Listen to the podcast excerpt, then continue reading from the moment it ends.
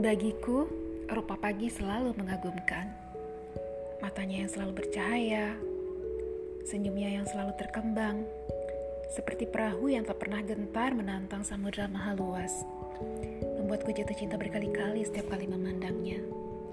Namun, memandangi wajahnya dari jarak beribu-ribu kaki di atas ketinggian sana, oh, adakah yang lebih membuat perasaanku menggelembung, melambung, membuatku tak sabar ingin memijak bumi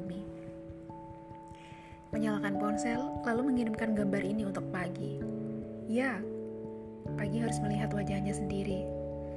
Wajah yang tersembul di balik kumpalan awan. Wajah yang diterangi sinar jingga yang hangat. Wajah bersih tanpa nokta abu-abu. Masih ingat ketika kita saling menyatakan cinta untuk yang pertama kalinya? Masih ingat ketika kita saling menggenggam untuk yang pertama kalinya?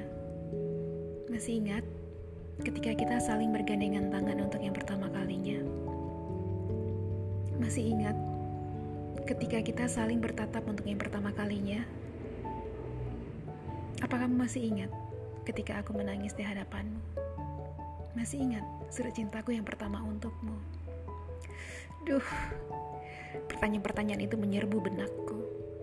Bukan hanya saat itu, di atas ketinggian beribu-ribu kaki di atas sana tetapi juga petang ini. Saat hujan turun, silir angin menjadi liar saat aku membuka jendela.